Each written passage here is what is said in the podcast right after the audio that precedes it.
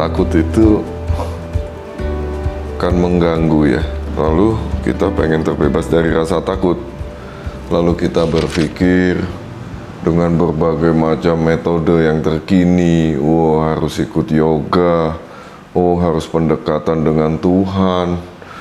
Oh, harus penguasaan ini, penguasaan itu. Wih, rumit banget ya. Saya punya cerita lucu nih tentang takut. Jadi saya punya anak dua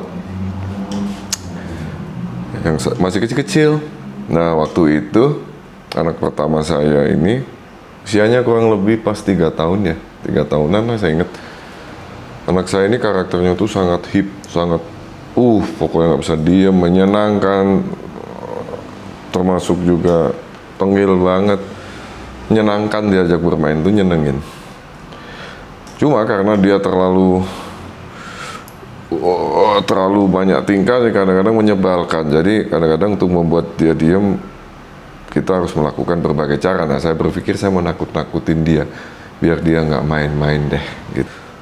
Lalu saya pakai topeng nih guys, pakai topeng mengendap-endap pas dia lagi main. Terus saya diem di belakangnya gini. Topeng saya cukup menyeramkan. Pas dia nengok, dia ngerasa ada di orang di belakang dia nih, dia nengok, dia lihat saya. Saya sudah membayangkan dia akan teriak dan dia akan ketakutan, kabur, jerit atau kayak gitu. Ternyata enggak loh. Ternyata dia kaget nih, mukanya kaget. Lalu apa yang dia lakukan? Bukannya dia lari, bukannya dia teriak-teriak, dia merem. Dan dia tetap aja di situ. Tentu saja di detik itu saya tertawa terbahak-bahak. Saya sangat mencintai anak-anak saya. Nah, dari sini saya mendapatkan sebuah moral. Sebenarnya solusinya, bahkan kita nggak harus lari loh dari apa yang kita takutin.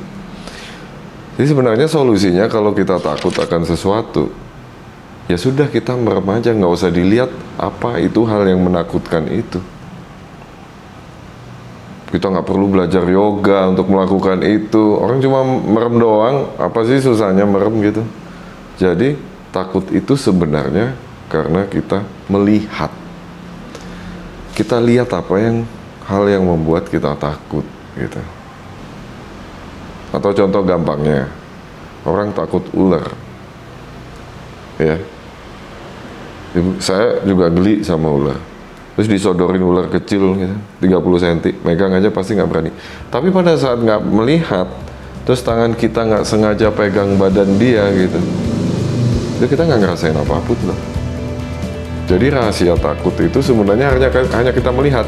So solusinya guys, kalau kita tidak ingin takut terhadap sesuatu yang begitu mengerikan atau cukup dengan nggak dilihat aja. Masalah takut dengan hutang-hutang, ya udah nggak usah dilihat. Kita tahu kita punya hutang, nggak usah setiap hari dipikirin, setiap hari mendera.